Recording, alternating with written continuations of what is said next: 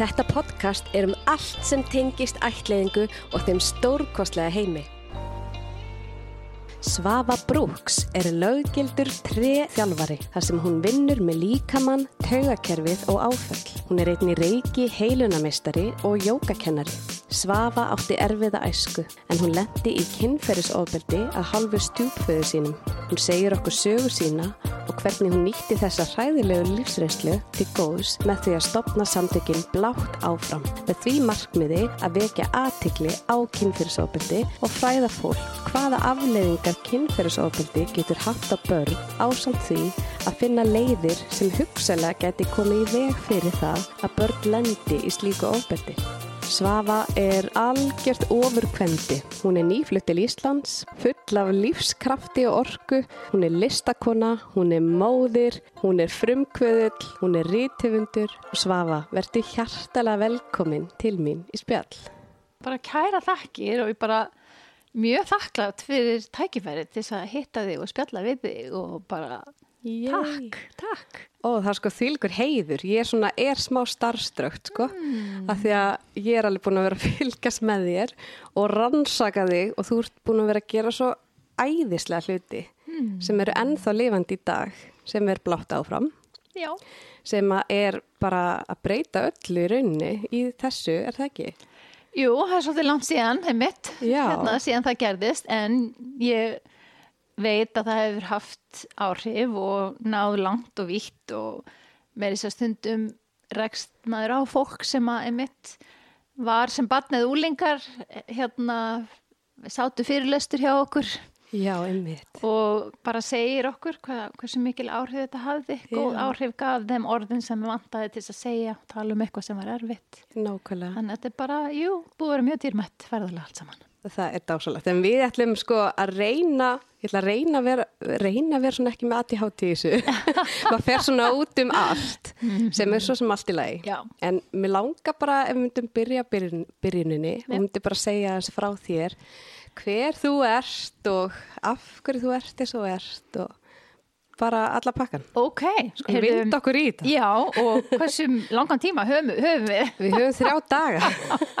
Gott, ok. En við kannski reynum svo að klippa þetta eins niður. En hérna, en já, uh, ég náttúrulega uh, er nýflutt aftur til Íslands, eins og ég segi, svona ár síðan ég kom aftur tilbaka uh, eftir að vera búin að bú, vera búsett í Ameríku, nærið í 30 ár ég var alltaf að segja 25 ára þetta er að nálgast 30 árin wow og hérna, en náttúrulega bara fætt og upphælinn hérna á Íslandi og já, átti svolítið hérna bröttóta og erfileika í æsku mm -hmm. og sem náttúrulega svona markaði með svolítið já. en góði fréttnar eru það er gera langa sögustutta mm -hmm.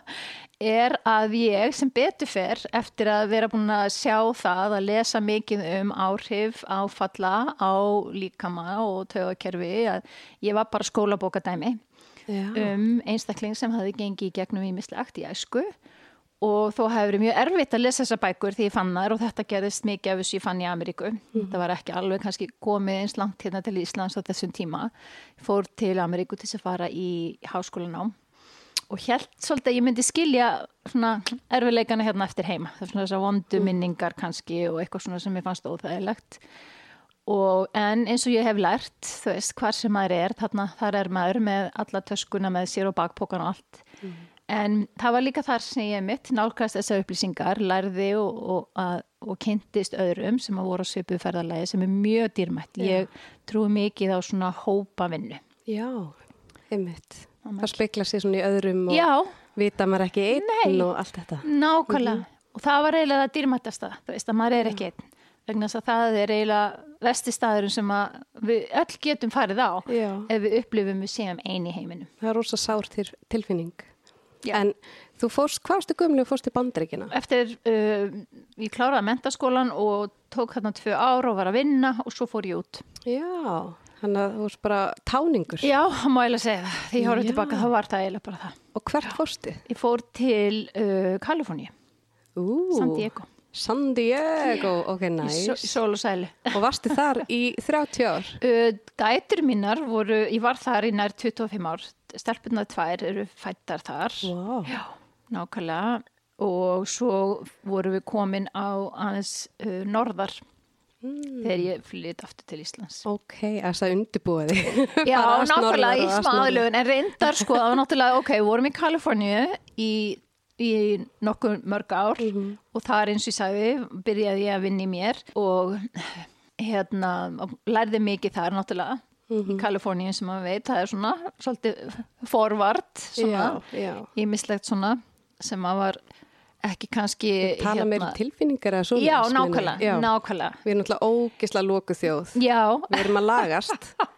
Við fyrst að vera að lagast. Já, en sko með að við Kaliforníu, Jésús Kristur. Nei, nákvæmlega og ég fekk ofta að heyra það því ég kom heim til bara, vá, hvað var hann amerísk Ah. þú veist, alveg bara með ljósugrullunar og allt, Já. sko en hérna, já, vorum í, í Kaliforníu, svo fluttum við náttúrulega til, hérna, við, vorum á Östuströndinni í fimm ár, sonur minn var fættur þar og þaðan fluttum við til Íslands til þess að, hérna, byrja að blotta áfram Já. og eftir tvö ára á Íslandi þá sagði maðurinn minn, minn fyrirverandi í dag, hann hlaupari hann alveg, ég get ekki hlaupið á Íslandi hann var mjög ósáttur við kuldan og rokið og ok. þannig að þá fluttum við aftur út og þá fórum við aftur til nei, hérna Kaliforni Já. En ok, má ég spyrja? Já. Að því ég er alveg búin að rannsaka. já, og þú átti mjög erfið, eða svona, áttur erfið uppbakstar ár Mm. eða þú veist, vissuru að það var að gera sem var að gerast fyrir þegar það var spað mjög góð spurning. Uh, já, ég nefnilega er eina af þeim sem að ég myndi allt sem gerðist. Og Já. var alin upp á heimili þar sem var andlegt, líkamlegt og kynfyrslegt óbaldi af hálfu bara einsæðila bara af hálfu Já. hans? Já, nákvæmlega og móðið þín var það bara vitni eða Uh, já, en hún náttúrulega, og það sem ég veit núna í dag að í svona aðstæðum, ofta sem eru heimilisofbildi, að hérna þá er náttúrulega kannski hérna hinn aðilinn í svolítið áfalla munstri sjálfur Já. og bara frosinn og lengi saðist hún ekki hafa vitað hvað var að gerast. bara Gerði- lokaði Já, fyrir það bara lokaði alveg fyrir. og voru mörg sískinin sem lendi í þessu? Við erum tvær allsistur og svo á ég tvö hálsískinni. Og þetta var sem sagt uh, stjúpi minn. já, og lendu öll sískin í þessu Ekki öll, bara, bara við systur. þú og allsýsti Já. En náttúrulega við vitum að alast upp á heimili það sem er heimilisofbeldi hefur Já. áhrif já, á alla sem að búa inn á því heimili. já, hvort þau verða fyrir því eða vera vitni Nákvæmlega. Vá. Þetta- Og hvað hérna svona forvitni sakir þegar hérna hann kom inn í líf ykkar. Já. hvað ástu þá gömul? Ég var svona í kringum tveggjára. Og hann í raunni byrjaði ekki á þessu fyrir en aðeins setna. Ég náttúrulega veit ekki hvenar, kannski hann byrjar, en ég hef minningar eins ung og fjár ára. Já, og, og ég, náttúrulega því að ég er svo ung þá ger ég mér ekkert grein fyrir hvað þetta er, hvað þetta er. nei, og að því að það sem við vitum um, um kynfyrsóbeldi er að oft er, er það gert, gert í ykkur skona mildi mm Veist, það var ekkert gert með barsmiðin nei, og það var eiginlega það vestaskiljuru að því að þetta rugglaði svo heila og skinjun lítilla stúlku Já. um, þetta var ekki alltaf vond líkamlega, mm Mhm.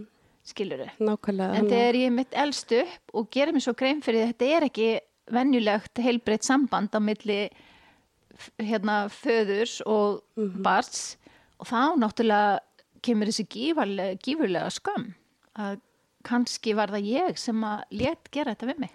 Já, vá, ok. Hvað varstu gömul svona þegar áttari á því að væri ekki alveg allt með feldi og þetta væri mögulega eitthvað? Ég kannski eitthvað stað svona milli 8 og 10 ára. Vá, Já, þú varst það gömul. já, Oh my god. kannski yngri en ég náttúrulega hafði engin orð ég vissi ekki hvað ég átt að segja ég vissi ekki hvernig ég gætt beðið um hjálp í rauninni Þannig að þú sagðir engum frá. ég reyndi en ég var orðin fyrst reyndi ég að segja frá þessu tíu ára og viðbröðum voru þau að ég náttúrulega bara sagði ekki neitt Já.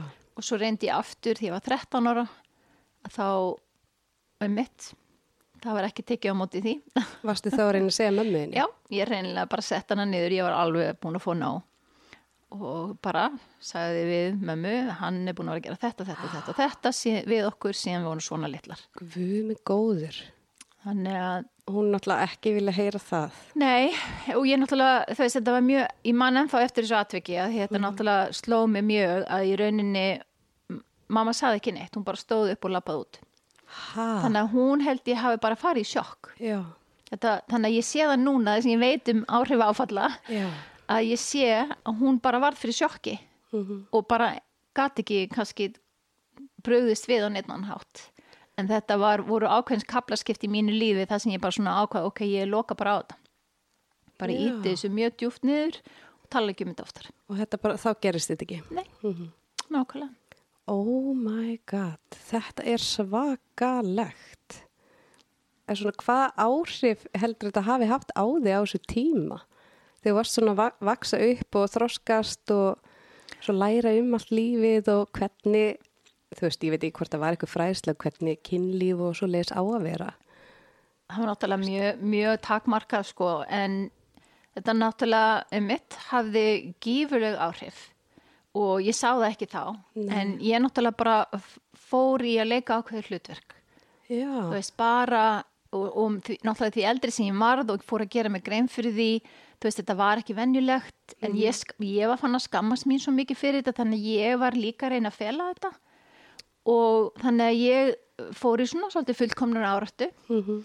og reynda að, líta, láta allt líta vel út út á við. Já, en í rauninni var ég bara svona eiginlega frosinn inn í mér bara skelving og lostinn.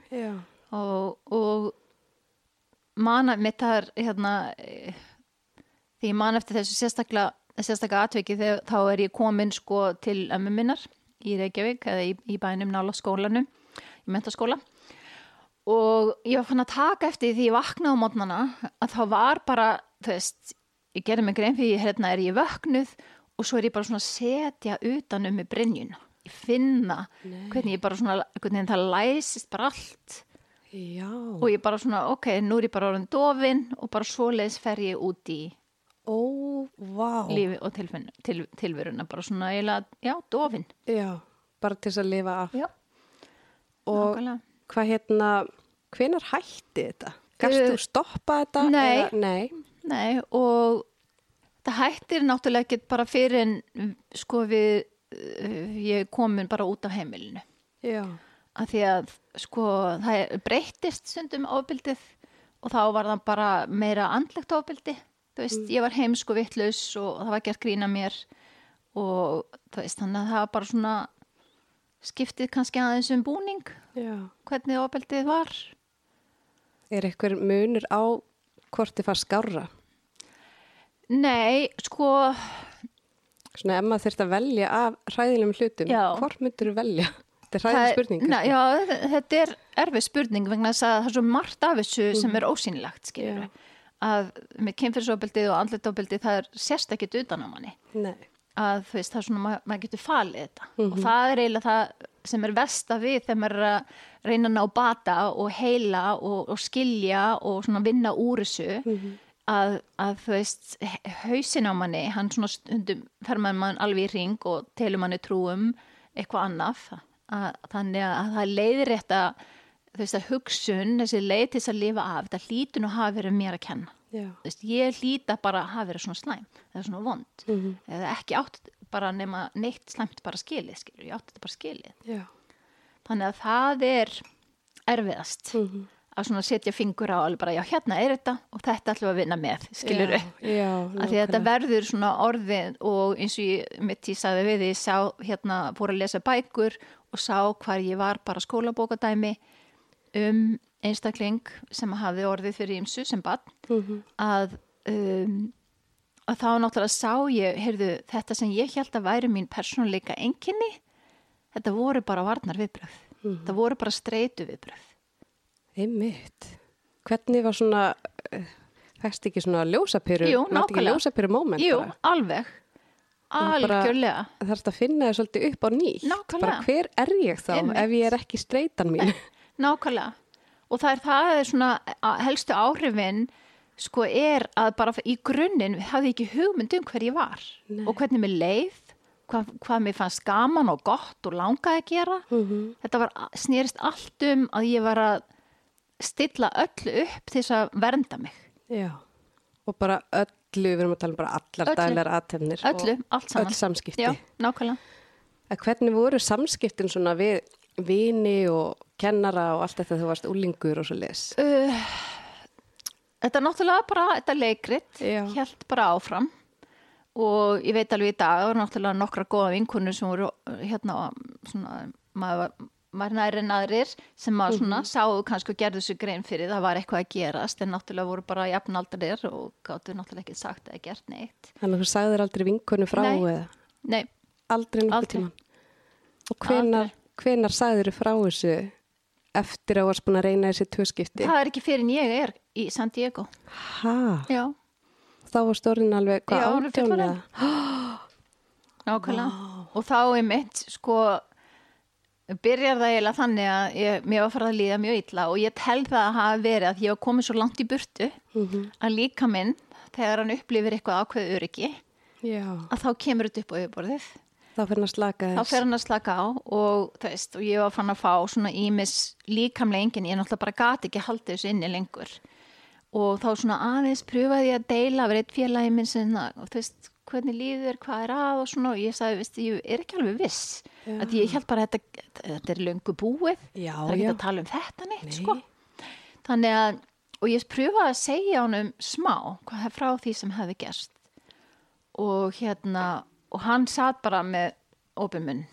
Já, og ég, mér brá svolítið hvernig hann brást við, við. viðbröðin hans sem er einmitt mjög algengt að oft þú veist, við bara gerum lítið úr þessu. Já. en þegar maður segir eitthvað frá og maður sér svolítið sjokkið Ég Veist, þá bara, já, það var kannski alvarlegt þetta sem að gerist. nákvæmlega. Þannig að hann kvatti mig til þess að byrja að leita mér hjálpar. Já, og þá er mitt í háskólanum var náttúrulega aðgangur að sálfræðingum já, bara frítt. já, eða? nákvæmlega Næs. Já, mjög næs og ég fór í nokkra tíma í spjall og það var einmitt svona í kringum þenn, þess, þennan tíma þangar til ég fann þennan sjálfsjálfar hóp en ég mani mitt alltaf eftir fyrsta tímanum hjá sálfræðingnum að ég gæti ekki hort framann í hana Nei, það var svo mikið skömm. Já, ég bara einmitt bara satt á hágrét og gæti ekki hort framann í hana því að ég bara beði eftir hún myndi horfa á mig og segja að ég væri bara alveg skelveli manneskja sko. Og hvað tók þetta langa tíma? Eða er þetta ekki að taka bara ennþá? Jú, en þetta er náttúrulega búið að taka langan tíma og ástæðan fyrir því að þetta tekur langan tíma er að ég var að byrja upp á nýtt. Ég, ég var ekki að fara tilbaka í neitt góðan grunn, skilur. Mm. Þannig að það má eiginlega segja að það sem að ég hafi endað með var svona komplex tráma. Að þetta er svona og ákveðin tengslamyndin sem að þarf í æsku misfórst náttúrulega og þannig að í rauninni þegar margir tala um já, ég ætla að fara að laga þetta þannig svo ég verði eins og ég var Já. en hjá mér þá var ég í rauninni, ég vissi ekki hver ég var Þú er aldrei vita. Nei. Nei. Nei, þannig að það var svona gott vond Mm -hmm. Þú veist að ég þurfti svona mikið að horfa í speilin og, og einmitt að skoða að svo sem ég held ég var væri, var eins og ég sagði bara þessi munstur Mhm. og varnar viðbröð, streitu viðbröð alltaf leið, bara finna leið til þess að vera örug Einmitt. en hægt og rólega tókst mér að vinda ofan að því og hérna skilja okkur ég gerði, okkur ég sagði okkur ég hegðaði mér eins og ég gerði Mhm. og já, að, að tengja sjálfur mér á þann hátt og ég segja oft, ég þurfti svona ala mig upp aftur. Já. Ég varð mitt eigið foreldri. Já, í rauninni. En mamma einn var ekkert í svona miklu fóreldra hlutverki eða? Uh, náttúrulega þegar ég var barn, Já. þá náttúrulega var hún frosinn. Já, þannig að hún náði ekki Nei. tengjast svona Nei, eins og ætti að gera. nei, nákvæmlega. Ég gæti ekki tengst mömmu minni sem barn. En eins og sýstin, er hún eldri eða yngri? Við, við náttúrulega erum allsistur og við erum týpurar. Já, ok. eru þið einegja? Það er spurning.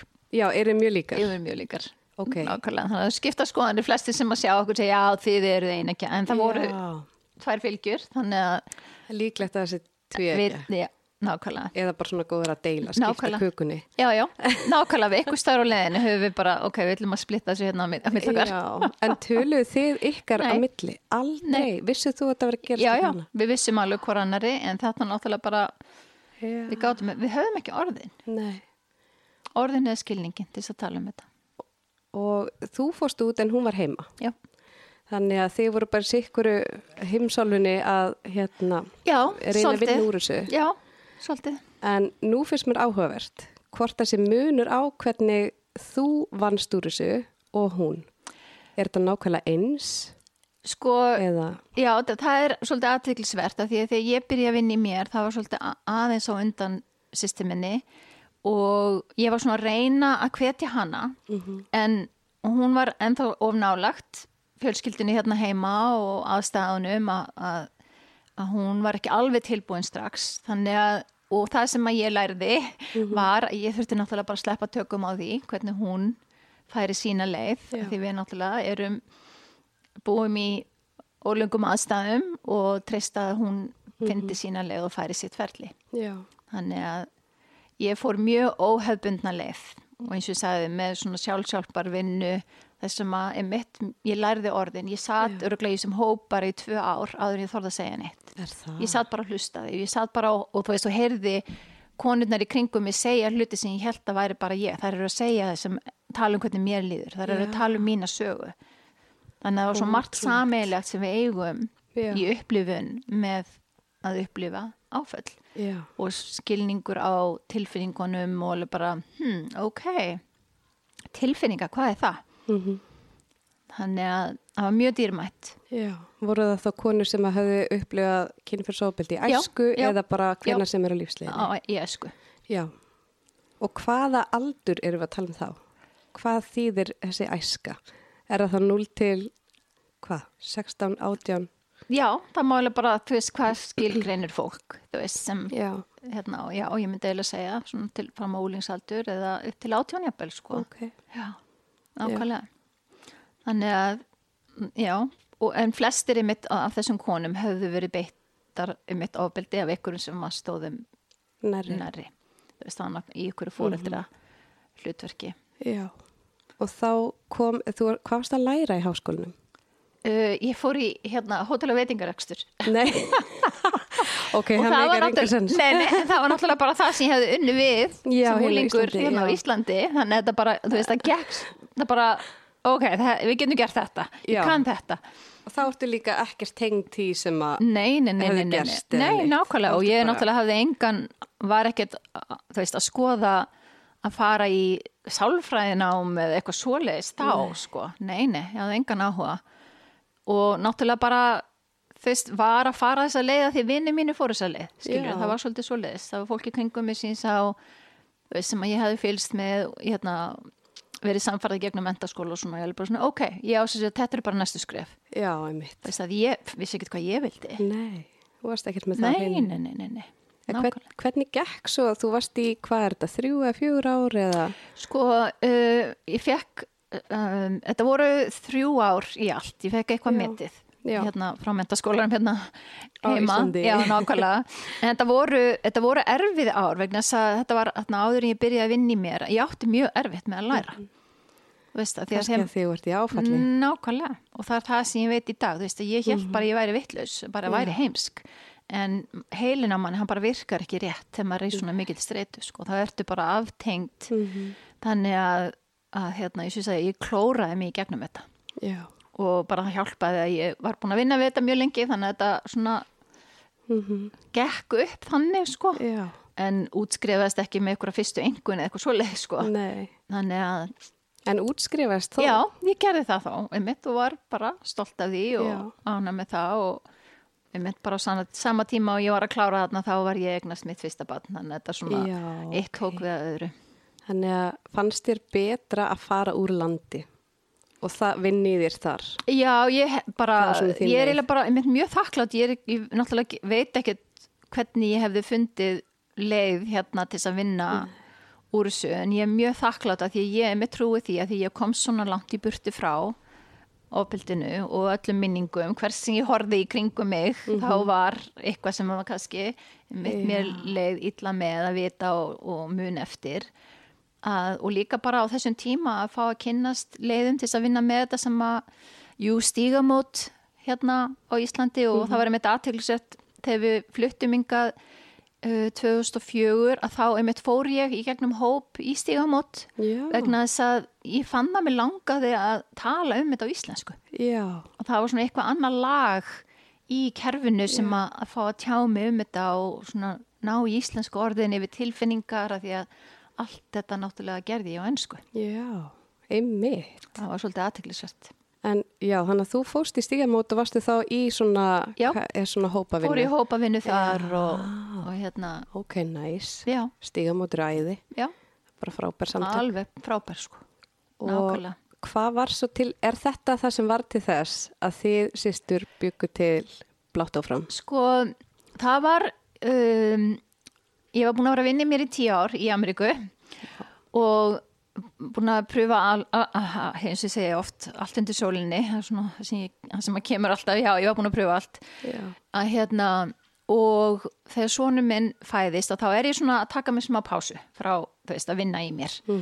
Og var bara, ok, hérna ég minn lítið líti batn og ætlaði bara að fókusa á að, hérna, á alveg hérna, bönni mín og vorum hérna á Östuströndinni en hérna, og var að horfa á óperu Winfrey í sjónvarpinu og þar í þættinu mennar er kona sem að segir ofinberlega upphátt, blátt áfram með opinaugun, alveg bara já, ég varð fyrir kynfyrsopeldi sem barn. Og ég man ennþá hvar ég var þegar ég heyrði þetta. Og það bara, tárin fóru bara að renna. Og, og ég hérna bara, vá vá. Mm. og það er einhvern veginn gaf mér leifi þú veist, ef hún getur sagt þetta Já. uppátt, þá get ég þetta Einmitt. að því að ég, því meira sem ég vann í mér þá fór, fór ég að gera mig grein fyrir því að, að hérna, ég hefði sagt frá fyrr ef ég hefði haft orðin. Já. ef einhver hefði sagt mér þetta eru reglunar, þetta má, þetta má ekki. Og, og það er mitt svona, þetta kveikti í mér eitthvað svona nista og svo bara nokkrum mánuðum setna þá er ég mitt í eldúsunni að skoða svona uppskriftablað í Ameríku fletti þessu blaði og það allt í hennu sé ég auglýsingu og í, í þessari auglýsingu eru andlit, fjóra stelpur unga stelpur, bara börn og yfirskriftin á þessari auglýsingu er eina af þessum fjórum er að verða fyrir kynferðsóbeldi veistu hver Oh Það er. god. Og ég bara svona fletti mjög hratt yfir Já. og svo bara sló þetta mig og ég fór tilbaka og mm. horfði á þessu auðlýsingu og horfði bara svona, vá þú veist, þarna á ég sjálf tvær dætur og strákin Já. Og náttúrulega bara auðvita, við sjáum þetta ekkert á börnunum, skilur við en það fylgdi þarna heimasíða og sem að sagði, hérna er bæklingur sem þú getur náðgast í gegnum netið og lesiðan til þess að hjálpa þér að byrja að tala um þetta. Já, ok. Þannig að ég fer og næ eina bækling á netinu, þetta voru sjö skref til þess að tala um, til þess að fyrirbyggja Já. kynfyrsofbeldi og ég næ eina bækling og ég bara, þetta er mest það bara briljant og bara daginn eftir er ég búin að ringja í framkvæmdastjóra þessar samtaka þarna í Suðu Karolínu, og ég bara spyr, hefs, ég veit að þú trúir mér ekki og heldur ég sé eitthvað alveg bara galinn en hérna, má ég þýða þennan bækling á íslensku? Já. Já, og hún alveg bara, yeah, sure og ég alveg bara, ok, ég vil fá það skriflegt. Þannig að ég bara, Já, hérna er heimilisfangið mitt nákvæmlega, heyrðu og, og þá hafði ég samband við Sigur sýstir og hérna og ég segi við henni, heyrðu, ég er búin að finna hérna bækling sem að ég heldur við ættum að dreifa á Íslandi Mhm. Þannig að með þennan bæklingi í vasanum og leifið flytt ég fjölskyldina mína til Íslands 2004 Já. Og þá byrjar þessi herferð. og þá byrjum við á því að koma þessum upplýsingum áfram. Og nafni blátt áfram.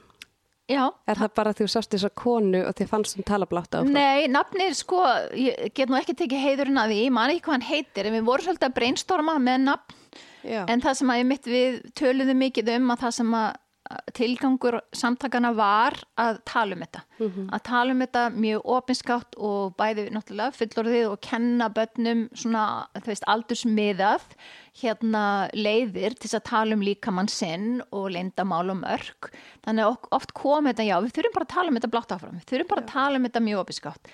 Og þá var einn hérna í hópnum hjá okkur hérna og hann hefði hvað með bara nafni blátt áfram þannig að þannig var það til. Já, mér finnst það æðislegt Það er mjög grípandi Já, og bara svona að því börn líka tala svo blátt áfram bara yfir höfu. Þannig að þetta er mjög viðandi. nákvæmlega Vá, þannig að það tók við smá rússibanni hérna heima. það gerði það en við sagt, hérna fengum styrk og stuðning til þess að þýða þennan bækling náttúrulega gefa hann út á íslensku og við sendum hann inn uh, í hvort það hafi verið um eitt ég man ekki alveg hvenær 2004 uh, hvort það hafi verið aðeins setna en við sendum bæklingin inn á öll heimili Mhm. á Íslandi. Þannig að það var svona og í framhaldi að því að í bæklinginu segir við þurfum að tala um þetta og þá fór ég að fá tölvupost og simringingar þar sem fólk segir, heyrðu þú ert að segja okkur að tala um þetta en það vill enginn tala um þetta. Er þú til í að koma og vera með fyrirlestur og tala um þetta við okkur og þannig eiginlega svona byrjaði ég setti saman fyrirlestur á Já. byggt á þessum bækling og rannsóknum á Íslandi Mhm. sem að sögðu að tölurnar í Ameríku og Íslandi voru ekkert svo langt frá hvort öðru Já, er það? þannig að hérna Er það Já. þá sama eina móti fjóru stelpum og einna móti sex strákum? Já. Og það er líka Já. í bandreikunum, eða já, svo svipa. nákvæmlega mjög svipað Það er rosalega hátala Já. því miður. það er það mjög, mjög háa tölur Já. Og sko, nú þekki ég þetta bara vel að því að þetta er búið að fara í leikskólan hjá sinni mínum Mhm. og grunnskólan hjá honum og, og maður bara fyrir sjálfsagt að, þú veist, við hefum þessa bók hérna líka minn. já, líka minn já, já, líka minn. Já, og enga staðirnir og maður talar um þetta og líka þegar, þú veist, fólk er að segja, þú veist, með lindamál og lindamáli okkar, þá er ég bara, nei, það er engin lindamál, alltaf að segja frá og allt þetta. nákvæmlega En að mann finnst þetta svona eðlilegt núna Já. sem að er geggjað Mhm. að því það hjálpar. já. Þannig að þetta er bara, ég bara þakka þið fyrir. bara mín er ánægjan að bara geta svona paid forward eins og maður segir, þú veist, Já. að deila þessu áfram þó þetta hefði ekki hjálpað mér á sínu tíma að þá allavega vonandi Nei. mitt En þá ert að hjálpa öðru sem Já. að mögulega Já. hefðu kannski lendi nákvæmlega, eða þú veist, myndu lendi verið aðstæðum. já, það nákvæmlega. Og hvað svona, sko, ég er að tengja svo hart. Mm. með, hérna, ég sjálflendi kynfyrsópildi, sko, og aldrei tala um það opinberlega, en það vita það margir, en hérna, allt sem þú ert að segja, það bara gerist, ég held að þetta gerist hjá flestum sem að, eða öllum sem lenda í ykkur svona, og þetta er ástæð fyrir spurði hvað aldur því ég var átján. Ekki fjölskyldumælumur en þú veist. Og þetta er svo vond já, og maður er ennþá að vinna úr sig og núna er ég 37 og það er bara ennþá. Ég get talað um þetta á þess að vera í ykkur trama en þetta er búið að taka svakalegan tíma. Alveg bara, þannig að maður bara svona uff, og allt þetta setja upp andlit og grímu og survival dæmið og flýja og þú Já. veist, maður er bara mhm, já, ég tengi svakalega, en svo er spurning sko, það sem maður er svolítið að gera og ég heyri aðra vera að gera, þessi lenda í ykkur ofbeldi eða ykkur svona dæmi áfalli, þeir fara að bera sér sama við aðra og finnast þeir ekki að skilið að líða svona, bara þetta var ekkert svo mikið hjá mér, af hverju líði mér það svona, þú veist það er miklu verra hjá henni, hún lendi svona, svona, svona og þá, þú veist, hefur nákvæmlega, ég tengi alveg. Ja, hefur við gert þetta sjálf? Já, nákvæmlega. Við gerum þetta öll. Náttúrulega, þetta er líka ákveðin leið þess að lifa af. Við gerum lítið úr þessu, við ítum þessu svona aðeins frá okkur. Já, Og hérna, að því að þegar við leifum okkur að opna á, þú veist, hvað þetta var vond, hvað þetta var skelfilegt Mhm. í rauninni og bara eins og fólk spyr, spyrði mig oft og ég oft horfi bara á fólk, veist, "Vi- veistu hvað þú ert að spyrja mig? Já. Veist, akkur sagður ekki frá, skilur fólk Einmitt.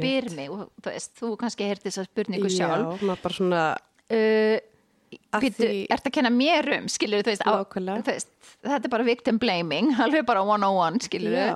þannig að bara svona ha, og það er það sem að ég segi í, í fyrirlöstrunum mörgum og er að ábyrðin er allra samfélagsins, skilur við, og að, að tala um þetta einmitt mjög opinskátt, þannig að ef það er einhver aðstæður þar sem við sjáum að það er eitthvað að fara að gerast, hvort sem það hjá börnum eða fullortnum, að við, við stígum inn í einhver óþægindi kannski, en til þess að spurja byrju, hvað hva er að gerast? Já. þú veist hvað hérna og svo líka þegar við förum að vinna með þetta að, að þegar ég fór að læra af hverju ég fór í svona mikla vörn Já, bara svona í daglegu lífi. já, og náttúrulega bara þú veist þe- þegar maður frýs Já. skilur hvað er það sem gerist í líkamannum á tögakerfinu Mhm. að þú veist þetta var bara líkaminn minn að lifa af Já. það var aldrei neitt sem að ég var að velja að gera Nei. og breyðast við Nákvæmlega. Þetta er nefnilega ótrúlegt. Svo veit ég hvort ég hefur eitthvað að tjá mig um eitthvað svona, þú veist, það er þessi skömm sem Já. að er alltaf þarna. Og alveg ótrúlegt. Og svo hérna, eftir mörg ár í sjálfsvinnu og endaleysum sálfræði tímum allt og ég komi rosalega langt í bataferlinu sem ég er þakklátt fyrir. En það er alltaf þessi pínu litla hennar rödd sem er alltaf bara, en þú ert ógisleg, þú ert svona, þú ert hitt, sem er ógislega vond. Já, og maður fer alltaf svona ég hérna útskýrt alltaf eins og þú veist, af hverju sagði ég ekki frá af hverju ger ekki þetta, af hverju ger ekki hitt. Já, það er bara svona, ég bara trú, vildi ekki trúa að eitthvað svona hræðilegt hefði gerst fyrir mig. Og mér fannst það ógeðslegt þannig ég bara, nei, þetta bara gerist ekki og þá er þetta bara ekki til. Nei. það fyrir þessa afnitun já, og þetta frízón og allt þetta því Nákvæmlega. maður reyna að lifa af. Já, nákvæmlega. Og, þú veist, og það er mitt það sem að gerist. Þetta svona er náttúrulega svona overwhelming. Maður, svona, maður, maður getur ekki að höndla þetta þú veist eins og maður segir, ef þetta er eitthvað nákom, nákomin manni, þetta er svo mikið þú veist, mikið betrayal skilur þú veist, þetta er svo, það er svo mikið sem er að bregðast manni skilur Já. Að, hérna, að heimurinn bara hrinur og til þess, að, náttúrulega lifa þetta af og þá er svona einhvern veginn tekur heilin þetta og líka minn og setur þetta bara svona aðeins til hliðar skilur Já. og það er náttúrulega það, þegar maður, deyfir sig aðeins. Mm -hmm. það hvort ég að finna kannski alveg fyrir þessu. Og þá líka fer maður svolítið að efast. Þú veist, byrju, var, var, var mér bara að dreyma um þetta kannski, Já. hvað gerðist þetta þú veist eins og ég vakna á mótnan og fer fram sem batnin í eldús og það sita bara allir og láta eins og ekkert hafi gerst, skiluru að það er bara, já, nei, nei, ég lít bara hafa búið þetta til. Já. Veist, þetta, það var nú ekki kannski svona slemt, skiluru Þú veist að svolítið dramatísk hvort að íkja þetta bara. nákvæmlega, nákvæmlega. En, en það sem ég mitt lærði og það sem að var dýrmætast var, eins og ég sagði, var að segja við þig að ég, ég þurfti að ala mig upp aftur. Þannig að ég lærði að svona hægt og rólega snúa mér að svöfu Já. og ekki bara litlu svöfu heldur það voru svona nokkur aldurstig svona sem að ákveðin erfi hlutir hefðu gerst. Og ég bara þurfti að emitt bara ala upp þessa litlu fjárara og ala upp þessa litlu sexára og, og emitt og, og standa með þessari 12 ára og 13 ára og 20 þú veist, að því að það eru öllar haf, höfðu smá svona kannski minningar brot um eitthvað sem hefði gerst. Og ég þurfti bara að minna þær á, ég trúi þér. Já. ég man eftir þessu. Þú nei, þú bjóst þetta ekki til. Og með því að sína þessum pörtum mínum, þessum litlu brotum það, það, það hlý, þá hlýju og á- alúð og, og bara virðingu. Og, og setja með þeim þegar voru að segja mér kannski frá einhverju erfiðu sem ég var búin að íta frá mér bara þess að lifa þetta af að þá létti ég á þeim Já. og þá létti ég á mínu hjarta í leiðinni. Já, þetta er svona partavinna. Já, Ég hef mitt verið svona partavinnu og ég elska það. Ertu þá að gera þetta bara með sjálfur þér eða ertu hjá sálfræðing? ég var og hérna hjá sálfræðing og, og lærði þetta náttúrulega, það er best að byrja all- alla svona vinnu með hjálp, með stuðning Já. en það er líka gott að muna, við viljum fá verkværi sem við getum haldið áfram að nýta okkur Já, og styrkja okkur vegna þess að það er ímislegt sem gerist á milli tíma skiluru, þannig að þetta ég er ennþá, ennþann dag í dag með mynda mér sex ára. Já. á náttborinu mínu. Er það? já, Og talar bara við á hana? hverju með einasti deg ég lofaði henni þegar, hún, þegar ég byrjaði þessa vinnu Mhm. hún myndi aldrei vera einn þannig að, já, ég finn ennþá bara svona smá tár hérna bak því ég, já, ég lofaði henni. Og hvar sem ég fer, hvert sem ég flutt um allan heiminn, þá er þessi mynd með mér og þannig að ég horfa á hana á mótnana I got you baby girl, þú veist það bara ég sé þig. Má ég fæ gæsa. Já, Þetta þykir mér fallið. nákvæmlega, því fyrst var hún alveg bara nei, þú átt bara eftir að meða mig eins og allir hinnir allt hitt fullotna fólki sem enginn trúði mér, enginn stóð með mér. En ég, alveg bara, ég skildi ekki auðvitað ertu brjálu og þólir ekki fullorðið fólk. En ég þurfti að standa mig akkvart henni. Og þá, eh, þú veist, að byggja upp tröst og le- lefin að finna fyrir kærleikan, kærleikanum sem ég bar til hennar og það var náttúrulega mín leið til þess að opna mitt hjarta. Já, því ég gæti opnað gagvart sjálfur mér þá gæti ég opnað gagvart öðrum. Nákvæmlega. Þá er hægt að elska aðra, Já, ef maður elskar sjálf sig. nákvæmlega, en náttúrulega þessi varnar hjúpur Já, það var svolítið erfitt að taka niður en já, það tekur tíma. já, heldur betur. Heldur betur langa tíma. Og hérna þegar ég skrifa svona leiðir til að byggja manneski upp eftir svona svakalegt áfall. Ertu með eitthvað svona töfra leiðir það er náttúrulega ekki til töfra leiðir það er bara svona ég mitt oft hugsa þegar margir spurt maður bara svona hvernig kemst maður yfir svona? Ég bara veit ekki. En maður kemst yfir svona. Já, maður kemst yfir svona og það sem að, sko eins og ég sagði, sagði á hann, ég er búin að pröfa ansi margt og fekk eitthvað frá öllu, frá öllu Já. sem ég lærði, en það sem að hjálpaði mér mest var að læra að vinna með líkama minn og skilja tögakerfi mitt og Já. skilja, þú veist, hvaða er sem gerist inni í líkamannum og tögakerfinu og heilanum og að því að það var svo mikil uppljómun mm að, að hérna að allt hitt sem ég var búin að læra svona fór að smetla saman því ég skildi já, hvernig, þetta, hvernig líkaminu og heilin vinnur saman. já. fórstu þá í nám Nei, bara fór í að lærði Þá fórstu í tré. Ég fór í tre, kannski segjum bara aðeins til þess að áður en við höldum áfram já. tre, tre er ekki tre Nei, nákvæmlega. TRE TRE sem að stendur fyrir. Á ennsku er það Tension Releasing Exercises Já. en stendur fyrir bara spennu losunar æfingar. já, fólk kemur til mín alveg bara frá 20 upp í 70 og eitthvað. Flesti sem koma til mín eru mitt hérna þeir sjá auðlýsinguna frá mér sem er hérna, mynd af band hérna sóasveðvanum hérna, þeir margir eru mitt við finnum fyrir verkjum í baki mjöðmum og að þegar við erum með króníska spennu sem er náttúrulega spennan í, í líkamannu bara líkamannu í vörn, hann er að verja sig gagvart ykkuru Man náttúrulega svona, við, við rökkum í kúti það ekki þegar okkur Jú. bregður. Já. og þegar við verðum fyrir ykkur óþægilega náttúrulega finnum við að spennan við erum alveg mjög stressu, það er axlirnar eru komnar upp í eyru og Mhm. við erum svona komin í kuðung og okkur illt í magan og meldingin er alveg komin í röggl og svona. Þannig að þetta er bara, þetta eru líkamlega viðbröð við streitu. Já, og náttúrulega því lengur sem við erum í þessu ástandi því verð, því miður.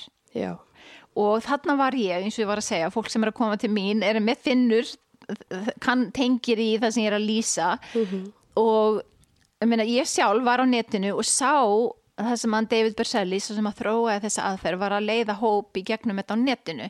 Og ég, og ég var líka með minn, hann bara svona, heyrðu þú ert að fara að gera þetta. Aha. og ég bara mætti hann námskeið viku setna og kom að inn, ég veit eiginlega ekki hvað ég er að fara að gera hérna en það er svo greinlegt að líka með minn vil pröfa þetta já, Þannig að það sem ég gerir er að ég leiði fólk í gegnum mjög einfaldar jókategjur. Það er hægt að fara upp í sjö æfingar, ég gerir venjulega svona þrjár og við vekjum sem sagt í líkamannum þennan uh, þetta slökunarferli sem að fælst í því að við vinnum út frá sóasvöðvanum, sálarvöðvanum sem er Já. hérna djúft í kveðarhóli, að við náum slökunu þar. mm. Ok ég henni bara einu sinni fyrir nutt og hún var eitthvað að ætla að fara að nutta þennan vöða mjög lítið Já. að því að þetta væri svona tramavöðvi og ég vissi ekkert og þá fyrir náttúrulega að googla og þá sá ég þetta Já. og ég bara svona, hvað er þessi sálarvöðvi? Sko, það sem við vitum að líkaminn hann er alltaf að skanna umhverfið sitt. Já, alltaf að taka upplýsingar og hann, það sem hann les er ég örug, hef ég orku. mm. Hann er alltaf að vega og meta já. og þessar upplýsingar tekur hann inn og sendir upp til heila.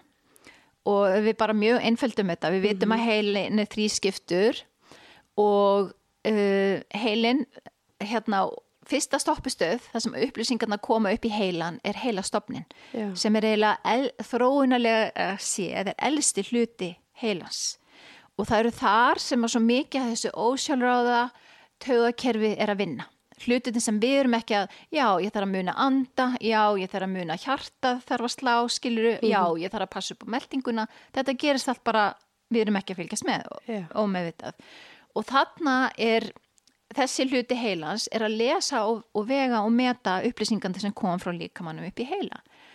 Og milli heilastofsins og miðheilans bara mjög hratt er, er heilin að meta ok, hvað er að gerast heyrðu, þurfum við að spenna upp vöðva til þess að takast á við aðstæður? Er þetta það alvarlegt, ég þarf kannski að hlaupi burtu frá þessum aðstæðum. Þarf ég að berjast fyrir lífi mínu hér? Fire or flight? Já. eða er ég að lendi áristri bílinn er að koma, við þurfum bara að deyfa hennar líkama alveg, þannig að hann finn ekki fyrir áverkunum. Já. þannig að he- heilin ítir bara fram heilanum út. Við munum ekkert eftir álægin áfallinu heldur við bara búið að deyfa okkur. Já. sem náttúrulega bara briljant til þess að líka minn lifi af. Já. og sem barn, ég man eftir aðstæðum þess sem ég er hérna upp í þakki Já. ég er bara komin út úr líkamannu mínu Já. ég þorði aldrei að segja frá þessu því ég var barn að ég, ég bara, ég verið bara lokuð inni. En þetta var bara flóttaleið líkamanns þetta var bara svo mikið sjokk eftir, og maður fyrir hirt um þetta eins og ég sagði, ég var alltaf að lesa skó, bækur ég bara, vá, ég er skólabókadæmi um manneskinn sem bara fer úr líkamann sínum þegar hún verður fyrir slisi eða mjög alveg opeldi Það er bara eins og sér dauð Já. í rauninni, dáin, bara, farin úr og horður bara Já. á sjálfa þig. þarna upp í loftinu horfi ég niður Ég hef aldrei hýrt þetta. Jú, nákvæmlega Þetta er mjög merkilegt. Briljant Wow. Briljant. Heyrðu, og svo er mitt til heilin, hann er mjög fljótur að ákveða þetta. Áður en unni fram heilin okkar, hérna, við viti, já, heyrðu, ég ætla að segja þetta. Já, ég ætla að bregða svona við. Já, raukhugsunin. Já, raukhugsunin, náttúrulega. Þannig að, að uh, og þess, að því við spennumst upp og streytuhormonur eru kerðir inn til, að, til að gera okkur hæfari, til þess að takast á við aðstæður, náttúrulega bara briljant. Já. En þegar streytan eða álægið eða áfallið er liðið, þá á líka minn að sleppa þessari spennu og á að sleppa og hætta þessari streytu kortisol og adrenalínið, þá hætta framleiðslinni skilur, við má Já. komast aftur í jafnbægi. En því miður, ef við erum föst í þessum streytu varna viðbröðum, krónist, Mhm. að þá er það einmitt sálarvöðvin, sóasvöðvin, sem að einmitt er krónist stífur og það er hann sem er stanslust að senda skilabóð upp í heila. Það er eitthvað, það er eitthvað, það er eitthvað. Ert að meina það? Já. Ég er að einfalda þetta mjög mikið, Já, en þetta er svo, ég, ég sé þetta svo myndra. nákvæmlega, Þetta er svo merkilegt að þetta er sko eitthvað, vöður sem hann veit ekki svona þessi Nei, til. nákvæmlega. En þetta er mjög öflugu vöðvi, eins og segið, það kæm ykkur hérna inn, við myndum, okkur, við myndum rökkvi kút, Já. Vist, við drögumst ósjálfjátt saman. Þessi vöðvi, hann er alltaf í viðbrastöðu. Þannig að þegar við vinnum með þessa aðferð, þá hægt og rólega er ég að hjálpa þér að búa til öryggi fyrir líkamann þinn og hægt og rólega að þú tengist líkamann þínum og líðan og með því að gera þessar einföldu æfingar hjálpa ég þér að setja stað slökunarferlið út frá sóasvöðanum. Og við tímatnir fara í það að við setjum þetta á stað og stoppum það. Setjum það á stað og stoppum. Já, Vegna þess að þess að þjálfa. Já, vegna þess að líka með þinn, hann kann þetta, hann vill þetta. En við erum að halda utan um öll hinn kerfin sem eru byttu, byttu, byttu, hvað er að fara að gerast, byttu, byttu, byttu, ekki rugga bátnum, ég kann þetta, ekki, Já. viljum ekki fara að breyta, skiluru, Já, til þess að fara ekki bara í kvíða og, nákvæmlega. og eitthvað svona. Því við erum að vinna með streyt og varna viðbröðin, en við erum aðeins að vekja þau, þannig að við getum slakað á og hjálpa líkamannum, heyrðu þetta búið. Já, við erum ekki ennþá þarna enn- í þessum, þessu ástandi, í þessum aðstæðum. Og þegar við gerum það þá þjálfu við hérna okkur í að að komast aftur í kvildina já, við erum bara slök í daglegu lífi. nákvæmlega, Hvað er það? nákvæmlega. Einmitt, nákvæmlega, ég hafði ekki hugmynd. Oh my god, það að- merkilegt. einmitt, þetta var mjög merkilegt en fyrir mér var þetta þetta gaf mér svo mikið vegna þess að loksins var ég búin að finna verkværið sem að Já, mér vantaði. Já, að ég var búin að, ok, þið getið sagt mér í sem áfallastöður öskun, það er þetta mér og það er hitta mér en hver allar að sína mig hvernig við getum lagað þetta? Nákvæmlega. En það tók mig alveg tvö ár þetta er ekki skyndi lausn og ég fyrir mjög hægt og það er það sem er erfiðasta við þetta Já. þegar við loksins finnum lausnina oh, mér langar, langar að gera þetta, ég ætla bara að dýfa þetta út skilur bara að keira, en bara nei að því að, það tekur tíma Og Þannig að það tók tvö ár fyrir þig að heilast í rauninni. bara, eins og ég segja oft, bara komast inn í líkamann og alveg niður í hæla. Bara komast heim Já. og líða vel í, á eigin skinni. Tók tvö ár. Einmitt. Að því að mér leiði ekkert vel í þessum líkama. Vorum bara mjög, hérna, eiginlega bara óvinnir. Já. Upplifir þú eitthvað svona að vera hrætt við líkamlega skinnjun? Ég var það. Já. mjög lengi og nú, ég, núna veit ég af hverju og það er það sem ég kenni með tre að ég blanda saman bæði fræðunum um líffræði og lífeðlisfræði og taugalíffræðina vegna þess að ég vil að fólk sé upplýst og skilji Hvað er að gerast? já, það hjálpar hérna mitt heilanum að vita hvað eru að fara að gera og af hverju og hvers vegna. Já. Þannig í hverjum tíma færðu upplýsingar um fræðin, hvað erum að gera og æfum okkur í að vinna með þetta streitu varnar viðbröð en svo líka rétti fólki verkværi og þú spurðir hvar byrja ég er, og það er fyrsta verkværi sem ég rétti fólki. Og ég vildi hefði vita þetta fyrr. Mhm. en það er hérna sjálfsmyldin Já. self-compassion. Vegna þess að í líkamannum okkar, alveg svo við höfum þetta apotek, við getum sett á stað kortisol og adrenalínið og náttúrulega alls konar hormónar, það er ekki sem að stjórna kerfin okkar. Við getum hérna hjálpa líkamannum að auka framleiðslu á oxytocin Já. Gleði stemninguna. já, þessi sterki hormónar sem er með hjálpar tengslamyndun þegar við eignum spönnin okkar. Já. og hann er mjög mitt virkur hérna, hluti af taugakerfinu sem er mitt svona félagstengsla samkendar taugin og kerfið er hérna í brjóskassanum og upp í höfuð þannig að bara það ég hjálpa og kenni fólki að setja hönd á hjarta. Já.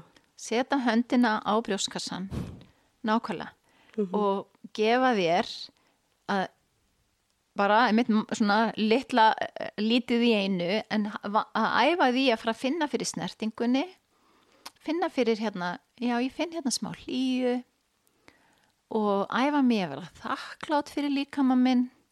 Fyrst þegar ég byrjaði þetta mér fannst þetta ekki gott, mér fannst þetta mjög hallaræslegt og ameríst en að ég vissi að það sem ég var að fara að gera myndi taka langan tíma. Já. og myndi hérna að ég þyrsti að, að vera ljúf og góð við sjálfa mig eins og, og ég var nú þegar búin að vera að sína litlu söfu, kærleika og hlýju en þetta var önnu leið vegna þess að hún býr í þessum líkama Já. Það er partur af því. nákvæmlega, þannig að ég vildi vanda mig við að hlúa vel að þessum líkama að því að þá var ég að sína litlu söfu hversu mikið ég elskaði hana og hversu mikið verði hún var mér Já. Þannig að, að þjálfa mig því að leifa þessum, þessari hlýju og þessu þakklæti að dreifast um líkamann inn á við. Þetta er eitt af því öflugasta sem við getum gert. Og þá finnum maður strax þessi hormón, oxy, Já. oxy, oxy, Já. oxy, oxycontin, Já. heitir það, er næstu Oxy- því. Oxytocin. Happy hormones. Nákvæmlega, og það eru þeir sem að vinna, það eru rannsóknir á baku þetta, alveg hellingur rannsóknum, sem að þess, þessi hormóni vinnur á móti streituhormónum og heilar líkamann. Já. Og styrkir tenginguna við þennan hluta töðakerfisin sem að við þurfum til þess að einmitt, tengjast líkamannum svo okkur líði betur og þegar okkur líði betur og við slökum á og fyrir að kvílast, þá nærust við betur og þá hefur við líka auðveldir með að tengjast öðrum Já. Þetta er mjög einfalt ráð. já, Bara elska sjálf sig og vera að knú, knúsa sér smá svona með hendinni. Bara aðeins að, nákvæmlega já. Og bara það er mitt, þú veist, ég býð fólki, þú veist, ímyndaður og sérst að snúa þér að líkamannu þínum. Eins og sérst að mæta þínum besta vin. Mm þínu bestu vinkonu. Þú veist, með bros út glöð að sjá vinkonu þínu eða ekki? Jú. og hvað mér lakka til, það er alltaf svo gaman þegar við erum saman. Já. bara hvað ætlum við að gera skemmtilegt núna? Mm þú veist, alveg bara svona tilfinning. Já. og líkaminn og töðakerfi okkar bregst við þessu Einmitt. Merkilegt. mm einfalt en öflugt, það er svo einfalt fólk trúið Já, ég veit það, einmitt. Ég fekk eitthvað tíman svona ráð hjá sálfræðingi að tala við sjálfa mig eins og ég væri annarkvort litla batni mitt eða besta vinkonu mín. Já. Og það var bara svona að því að ég myndi aldrei segja þessa hluti sem ég segi við sjálfa mig við vinkonu mína eða batni mitt, þá ætti ég enga vini og batni væri búið að vera tekið frá mér, skilur, því ég væri svo vond. Mhm. Já, að þetta er alveg mjög góður svona gott ráð Já. líka í þessar sjálfsmildi. nákvæmlega. Vá, þetta Og- er merkilegt. Já, og veist, þetta er mitt, eh, maður, eins og ég segi, ég trúi, maður trúið þessu ekki oft, þú veist, byrju, er þetta grína, skilur, virkar þetta? Já. En líka meginn og tögakerfi, það er best að gera pínulítið, Mm en gera þetta pínulítla oft. Já, bara hverju degi helst. Það- já, nákvæmlega. Mm Og hérna, og það er bara þannig, eins og maður, fyrir mér ræktina, þú veist, það er besti árangur en maður gerir eitthvað reglulega. Já. Þannig að þannig hægt og ró- rólega byggi maður hérna, styrki tenginguna Mm og það er aldrei of sent að búa til nýja tengingu í heilanum, að búa til nýja tengingu í líkamannum. Veist, eins og ég sagði, mm. það var bara búið að segja við mig, leiðilt fyrir þig, þú ert bara að lifa við þetta. Það sem betur fyrir eru fræðin að kenna okkur að við getum breytt. -hmm. Við getum breytt. Það eru góðu fréttinar. Nákvæmlega. Af því að við erum ekki áfalli okkar. Nei, Við getum nákvæmlega. alltaf komist í gegnum það og Nákvæmlega. breytt taugabrautunum. Af því að taugabrautina verða öðruvísi við áfallið ekki, rétt. jú, Og maður þarf svona að endurfórita heilan á sér og líkamann. En hérna í þessu tre, getum við nutta hann eitthvað sjálf? Uh, sko, þú nuttar hann ekki sjálf, en ég síni þér, nefnitt, æfingarnar Já. sem að, að þetta er kenn sem sjálfsjálpar verkværi vegna þess að, eins og ég sagði, líka með þeim kann þetta og ég bara síni þér hvernig þú setur þetta á stað Ok. og gef þér svona smá reglur til þess að fylgja, til þess að byrja með svo gerir ekki á mikið, það er ekki Já. hægt að gera þetta vittlaust eða ránt nema það að við viljum byrja mjög rólega af því þú ert svona að vega og meta hvernig þinn líkami og þitt höfakerfi bregst við Já. Þannig, og það er líka, uh, ég tala oft um að hérna, ég var eiginlega að keira bremsulísan bíl með hann að líka maður. Að því ég vissi ekkert, þú veist, hvar hægi ég á mér, hversu mikið er nóg. Ég Já. kunni það ekkert, ég var markalaus, ég vissi ekki hvar ég endaði og þú byrjaði, skilur við. Og maður veit það ekki þegar búið að brjóta svona á manni. Maður hefur enga insýn á sjálfan sig þannig. Þannig að við þjálfum okkur í því að stoppa. Að því við erum að læra, já, hversu mikið er nóg fyrir mig? Og í þessari leið, við erum ekki að skoða hversu mikið er nóg í rauninni, heldur hversu lítið er nóg. Já. En hvernig stoppa maður? Getur maður að fara yfir strikið og fests í eitthvað Nei, ástandi? þess vegna fyrir við Nei. mjög, mjög, þú veist, ef þú gerir á mikið, þá finnur það daginn eftir. Þá bara ertu mjög þreytt, Já. kannski koma ykkur tilfinningar til þín, svolítið svona upp á yfirborðið, en flestir upplifa bara mjög mikla þreytu ef þau gera á mikið. Já. Þannig að Ekkert við eitthvað viljum- kvíðaköst í miljón daga? Nei, Nei. Nei, að ég ætla ekki að segja að það geti, geti ekki gerst, vegna það getur gerst. Og ég hef fengið til mér fólk sem að, já, ég sá þetta á YouTube, ég ákvað bara að pröfa þetta sjálf. Já. ég vil bara, sumir geta það en ef þú ert með hérna, eitthvað krónist, þú veist þú ert búin að geima þessa spennu mjög lengi eða Mhm. veist, það er einhverja erfið hlutir sem á kannski ekki búin að vinna úr að þá er betra að fá leiðsögn til þess að byrja með. En, og það er eiginlega betra að þú gerir bara eina, tvær mínútur til þess að byrja með.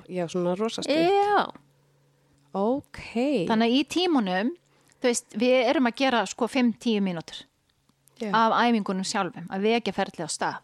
Við erum meira bara að undirbúa, þú veist, að róa og skoða hvernig okkur líður og ég eins og segði mikill hluta tímis fyrir að fræða, ég er að búa til öryggi fyrir þig og við hlustum á líkamann og skönnum líkamann, ég nota streytuskala hvernig líður fyrir, hvernig líður eftir Já. þannig að ég er að létta þér þú veist, ég- oft talar um ég er að kenna þér nýtt tungumál Já. og ég er að rétta þér stafrófið Mhm. þú veist, við erum bara að æfa okkur já, já. við erum bara að æfa okkur í staf hérna, hérna stafinir og svo fyrir við að setja saman orðin en það tekur smá tíma að fá tilfinningu fyrir nýju tungumálið það ekki Jú. Jú, algjörlega. Já. Sérstaklega maður kann ekkert á líkamann sinn nákvæmlega og sérstaklega maður hræðist. já, Líkamlega nákvæmlega. Það er eitthvað sem ég þurft að díla við og er búin að læra með sálfræðinu mínum já, í þessari partavinnu já, að fara inn á við og hræðast ekki skinnunina. nei. Einmitt, og læra að gera gruna, greina munu, já, þetta er kannski svolítið óþægilegt en þetta er ekki hægt Já, að því maður er alltaf í, það er alltaf eitthvað lífsætta og það er alltaf eitthvað stórhættulegt og maður er alltaf í þessum varnar að hamfara hugsunum í rauninni nákvæmlega. sem er hundlegilegu staður að vera á. Já, nákvæmlega. Og bara erfitt að því að það er svo mikið streyta. Einmitt. og maður læra að þekkja sín merki Já. þú veist, ég meira sem ég fór að veist, nýta mér þessi verkværi sem ég lærið á leiðin og lærið að skilja tögakerfið þú veist, þegar ég er komin hérna í- upp í streytukurvuna þú veist, og þá veit ég, ég fann að tala mjög hratt og þú veist, það gerist allt mjög hratt það er æsingur, eða drífa, keira, mm, hlaupa mm, þú veist, Já. það er bara maður er komin í flugýrin, sko, maður er kannski afkasta mikil, en maður alltaf svolítið yfir fólk.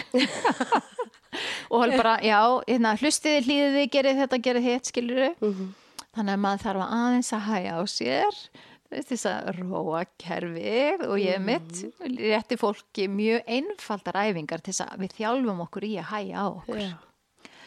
en það sem að var dýrmættast við þetta við þess, þessi fræði að læra á líkama minn og skilja mig var hvað var dýrmætt að sjá þegar ég var róleg og mér liði vel hversu mikil áhrif ég gætt haft á börni mín Já.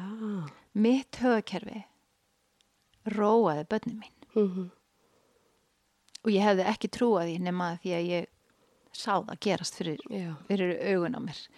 Að, veist, með því að sonur minn kom til minn í ykkur kvíðakasti og ég stann fyrir að mæta honum í kvíðanum skilur þau, alveg bara já, rrr, þú veist, já byrju skelfilegt hvað ég var að gera? Mhm. þá bara satt ég fann fyrir fótunum á gólfinu hægði á öndunin niður í maga, opnaði axlirnar brosti aðeins op og gaf honum allan fókusin minn og held áfram að hæja á öndunni minni Mm. og bara senda honum hlýju, ég sé þig, ég trú á þig, ég, og já, vá, þetta er kannski ekkit þægilegt í augnablikkinu og bara æfði mig að hlusta. Já.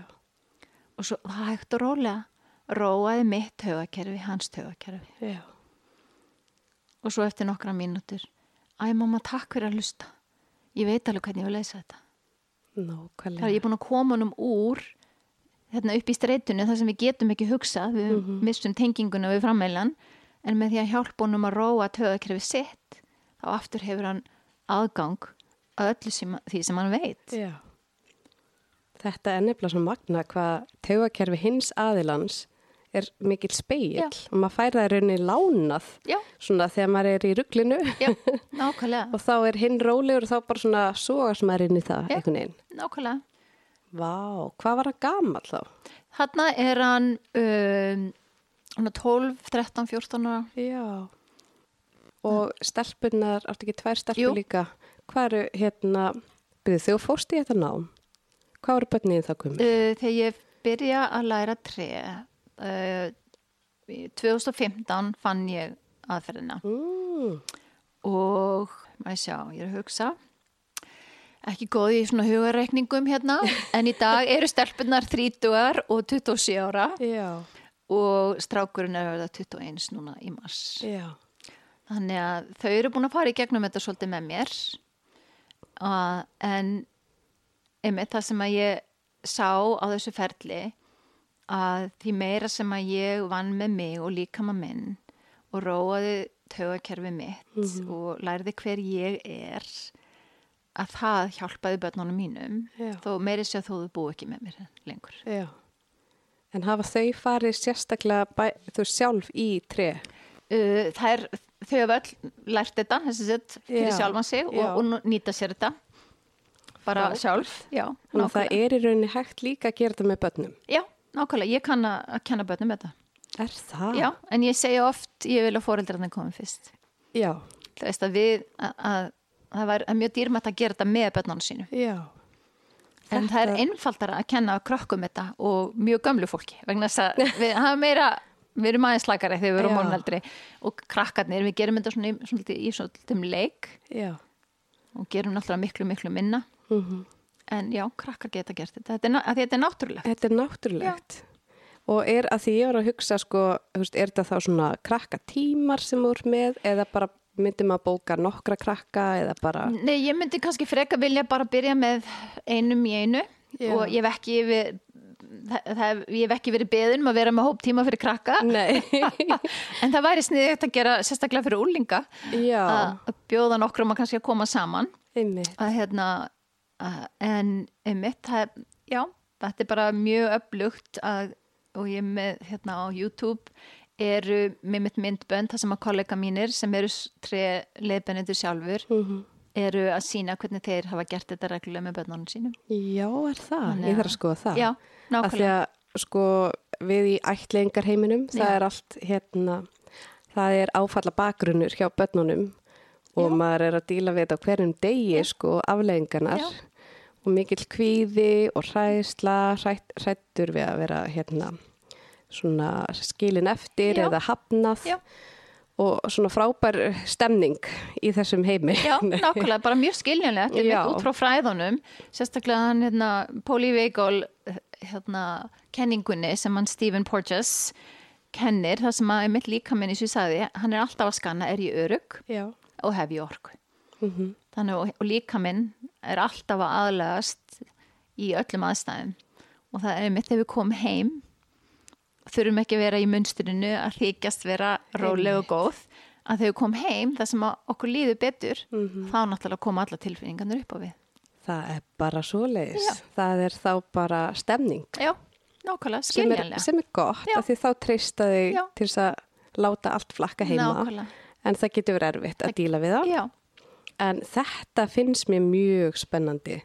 Sérstaklega að maður getur gert þetta með börnum Já. af því að veist, þetta styrkir tögakerfið já, nákvæmlega. Og hjálpa með kvíðan og allt þetta eða ekki? Jú, og hjálpa þeim að skilja sjálfan sig. Veist. Hvað er að gerast þegar mér líður svona? Veist, að, hjálpa þeim að segja þau eru ekkert slæmið og óþekk. Þetta er bara tögakerfið já en, hvern, en hvernig getum við unni með þetta saman mm Mhm. við, þannig að þau læri svona smá sjálfstjórn Já. eða finni, já, nú er ég komin hér. Þú veist, að Nákvæmlega. gera svolítið þessum upplýsingum badnvænar, þannig að krakkarnir sjá andlit á blaðinu, það sem að kannski ekki á fullarna fólkinu, Mhm. en að hjálpa þeim að skilja sjálfan sig. Já, og um leið og við getum hjálpa þeim að finna leið til þess að þeim líði betur auðvitað vi- vilja allir já, að þeim líði betur. Að sjálfsögðu. Nákvæmlega. Þetta er frábær leið. þetta er bara mjög, þetta er mjög öflugt. Þetta er einfalt en öflugt en minna, þetta tekur tíma En hvaðan kemur þetta? Er þetta eitthvað úr fortíðinni bara?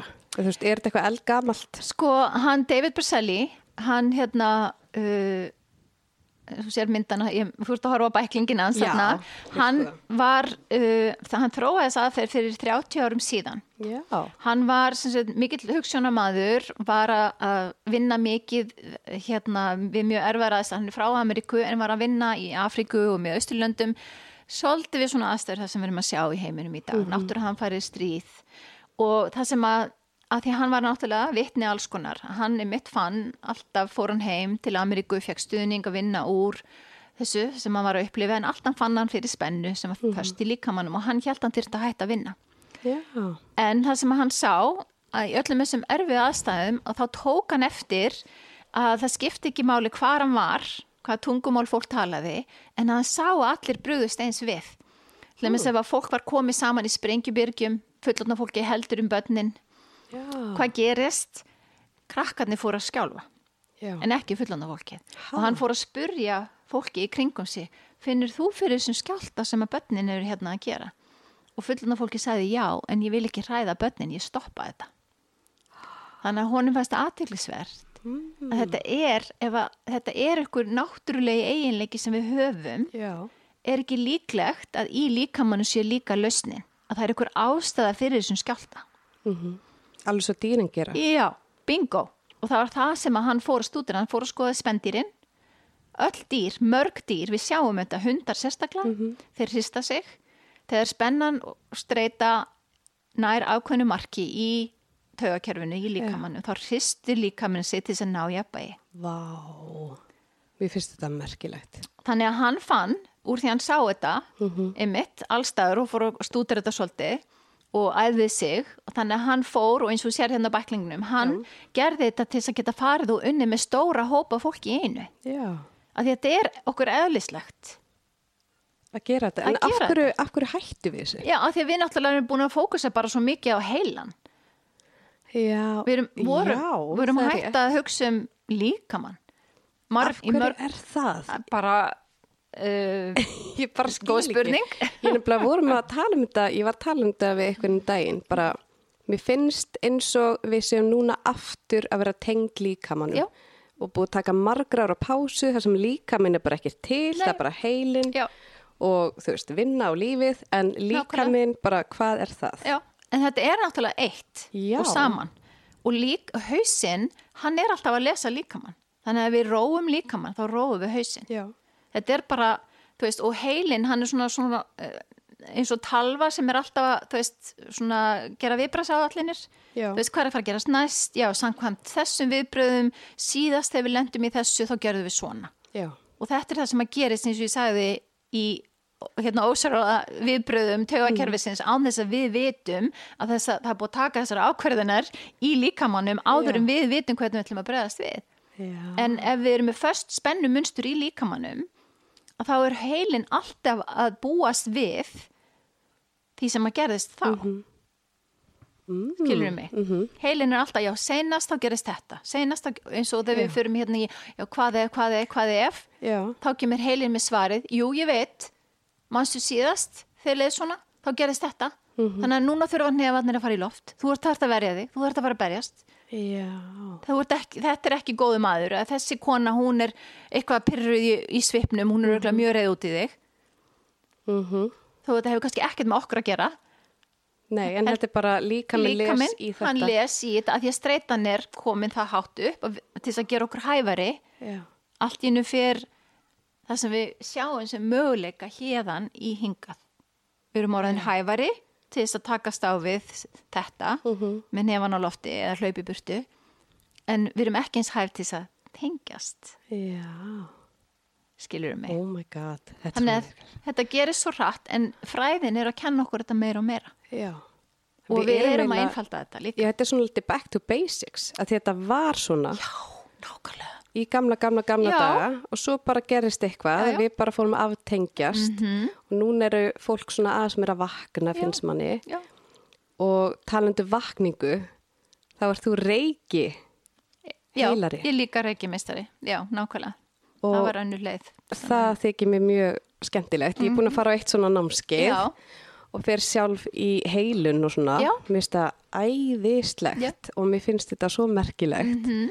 Og allt svona andlegt svo spennandi Já, þetta er Og- alveg nýr heimur en þetta er það, Já. fyrir mörgum er þetta rosa svona gúgú gaga já, en mér finnst allt svoleið skemmtilegt að, en ég er bara forvitin hvað var til þess að þú fórst í reiki?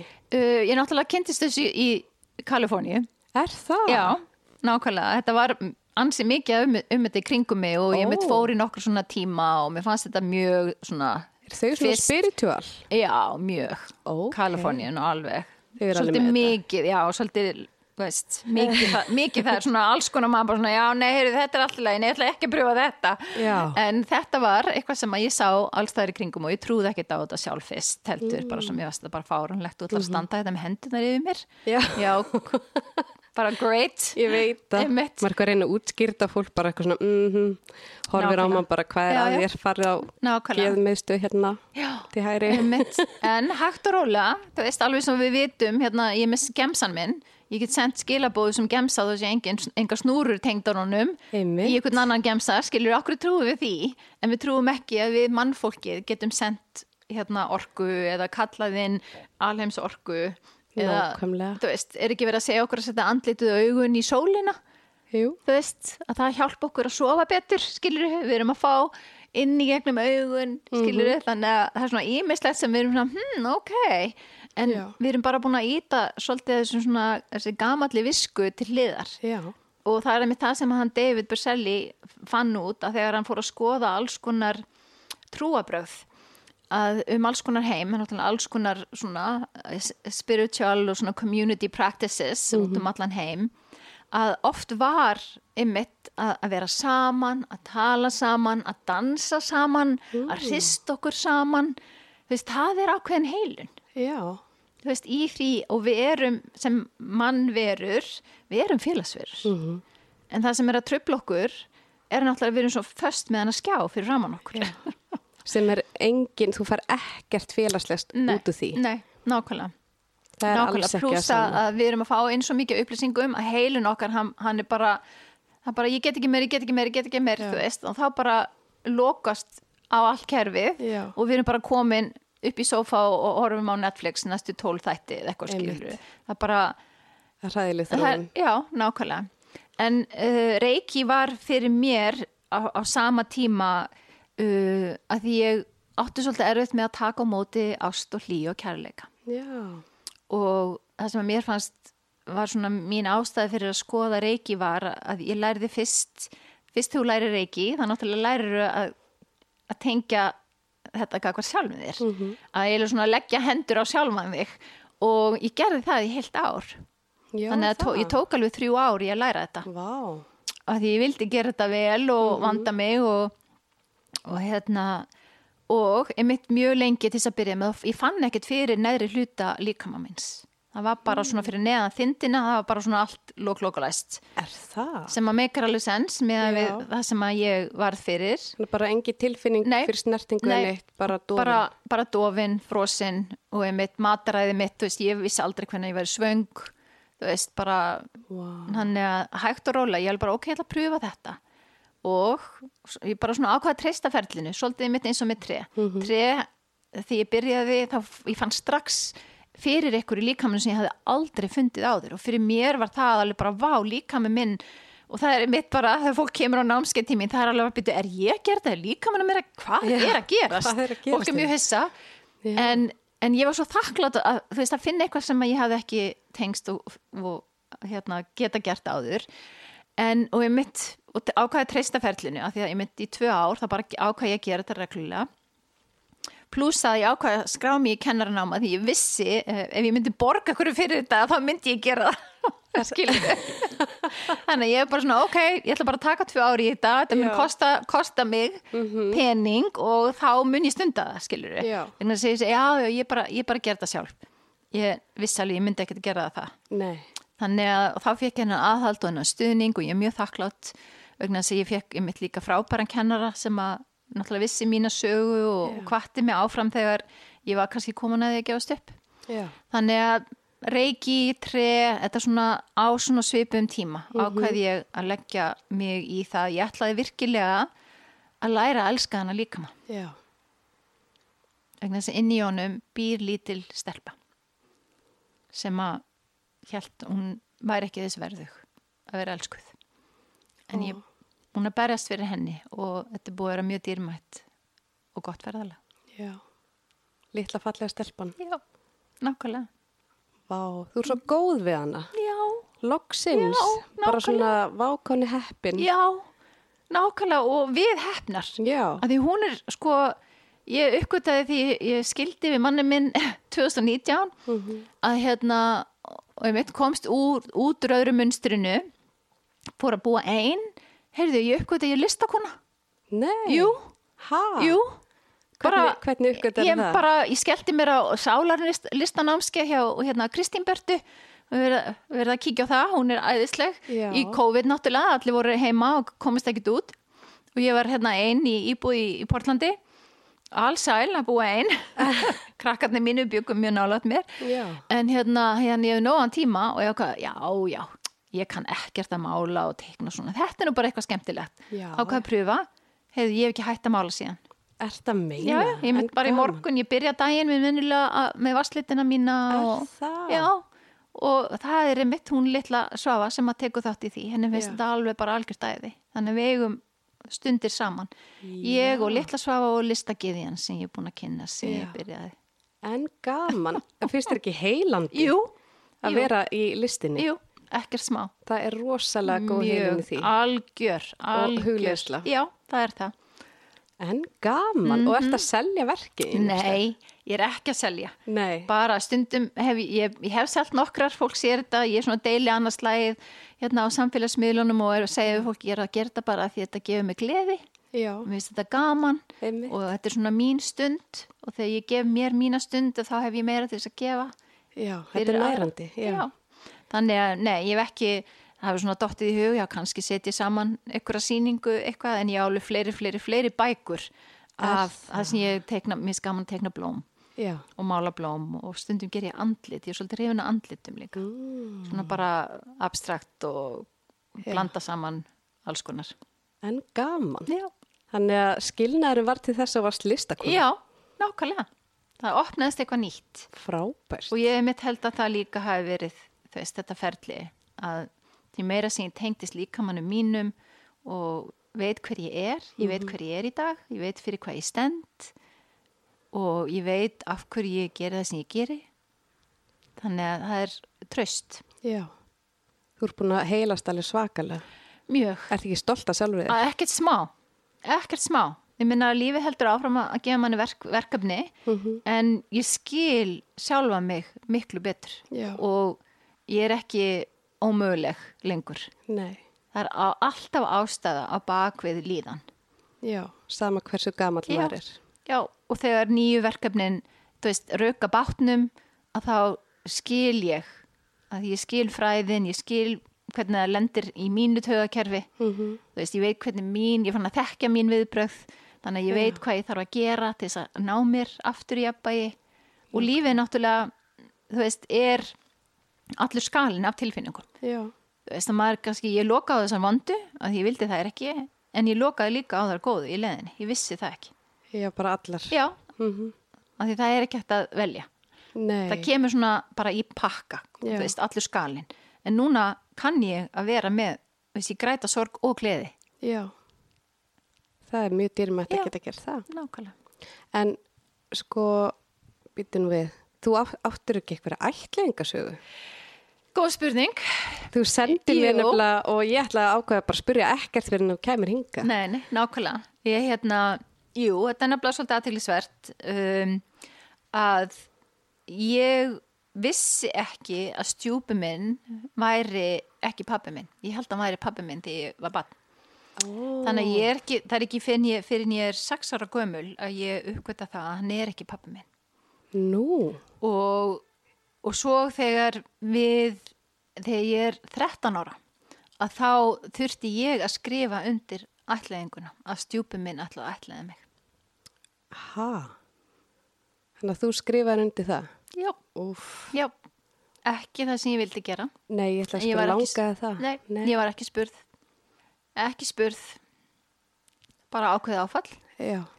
en góðu fréttnir eru þær 20 árum síðar sneru við þessari ætlaðingu við Er það? Já, bara fórum og tókum tilbaka þessi Já. ætlaðingu.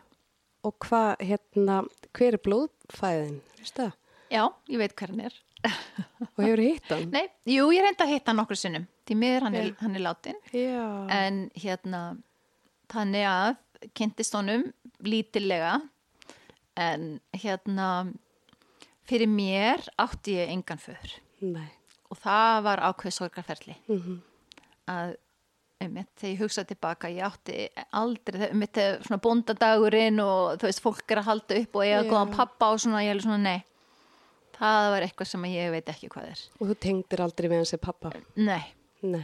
nákvæmlega Það var ekki föður ímynd. nei, en ég get líka alveg sagt sko að stjúpi minn, er, þetta var flóki vegna þess að það var líka ímislegt sem ég lærði af honum. Mm náttúrulega var í kringum hann í 25 ár að það voru hlutir sem að þú veist, ég býja að ennþá í dag.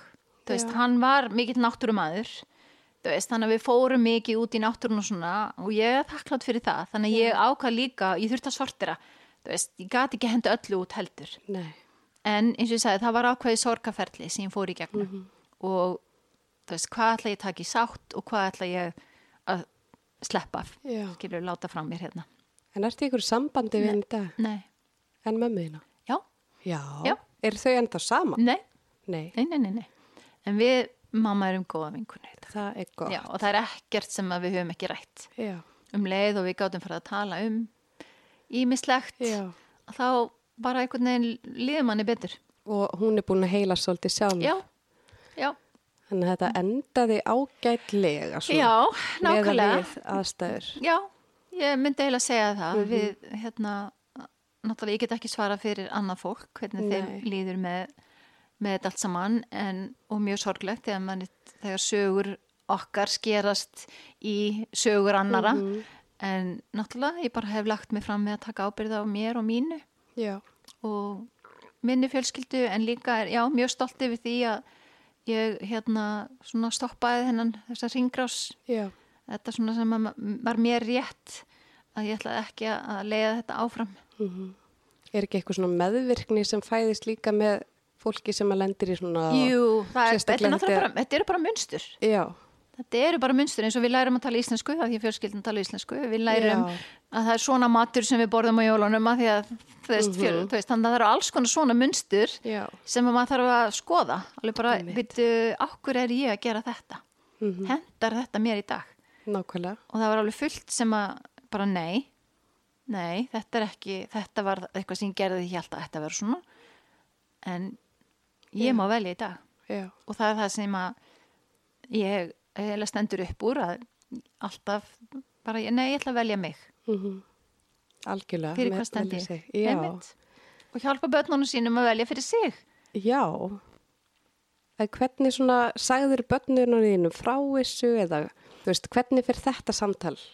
Eh, það gerðist svona svolítið hægt og rólega og uh, náttúrulega þegar krakkarna voru múin að ná ákveðnum aldri uh, með hana Elísu mína sem var elst að þegar við vorum hérna 2004-2006 þá var ég náttúrulega svolítið mikið í fjölmiðlum og fólk svona vissi og sagan mín var skrifuð og ég fór í sjónvarsviðtal að þá einmitt hérna tók ég hana til hliðar og útskýrði þetta aðeins betur fyrir Já. þetta. þá var hún orðin 11 ára Já, og, og, og þá er mitt svona útskýrði ég líka aðeins svona að þetta er ástæðin fyrir því að mamma er svolítið passa svolítið vel og mikið upp á þig og okkur ég er með ákveðna reglur sem að hún alveg, það er engin önnur vinkona með þessa reglur skilur en ég er bara svona, já bara, þetta eru bara okkar reglur.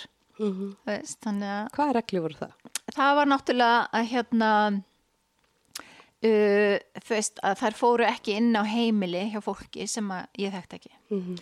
og þær gistu ekki hjá fólki sem að ég þekkt ekki. Og emitt þetta munurinn á hérna lendarmálum og surprise skiluru og það var einmitt mjög fyndið að hérna einu sinni ringdi einn nákvæmna kona við byggum í Fossvóinu þá og hún er alveg hérna, það var brjála viður úti sko, dótti mín var í Fossskóla Sabrina og hún ringir hérna ég er að reyna að bjóða dóttiðinni far heim og hún neytar að fara inn í bílinn.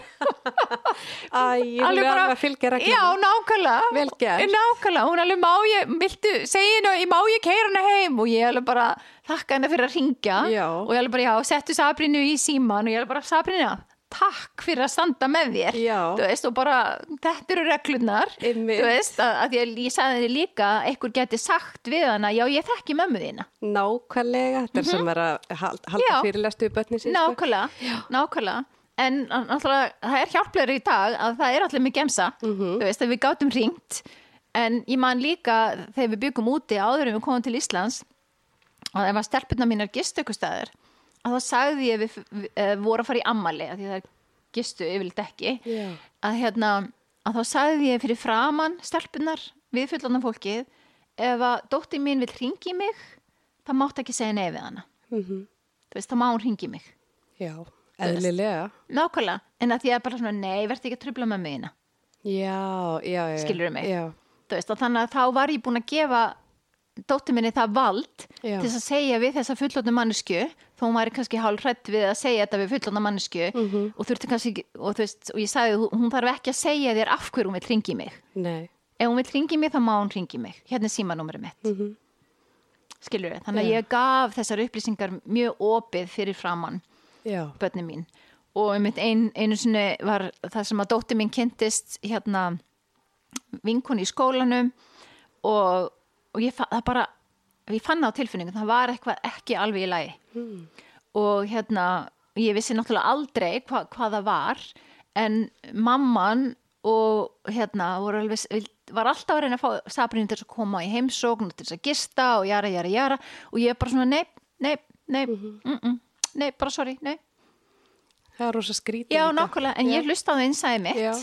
og það var bara, innsæði mitt var það stert að bara það var nóg fyrir mig. Ég þurfti ekki að Mhm. fá einhverja útskýringu, heldur ég ætlaði bara að hlusta á, og treysta mér, sem var mjög dýrmætt. Já, mjög. Já.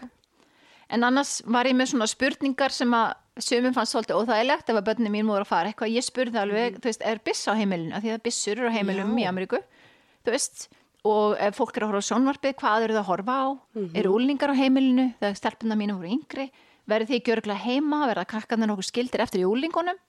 Já, mér finnst það eðlilega spurningar. Já, nákvæmlega sem er kannski meira Já. op í dag Já. en ég fann, þú veist, viðbröðum voru svolítið skrýtnir á þessum tíma en svo Já.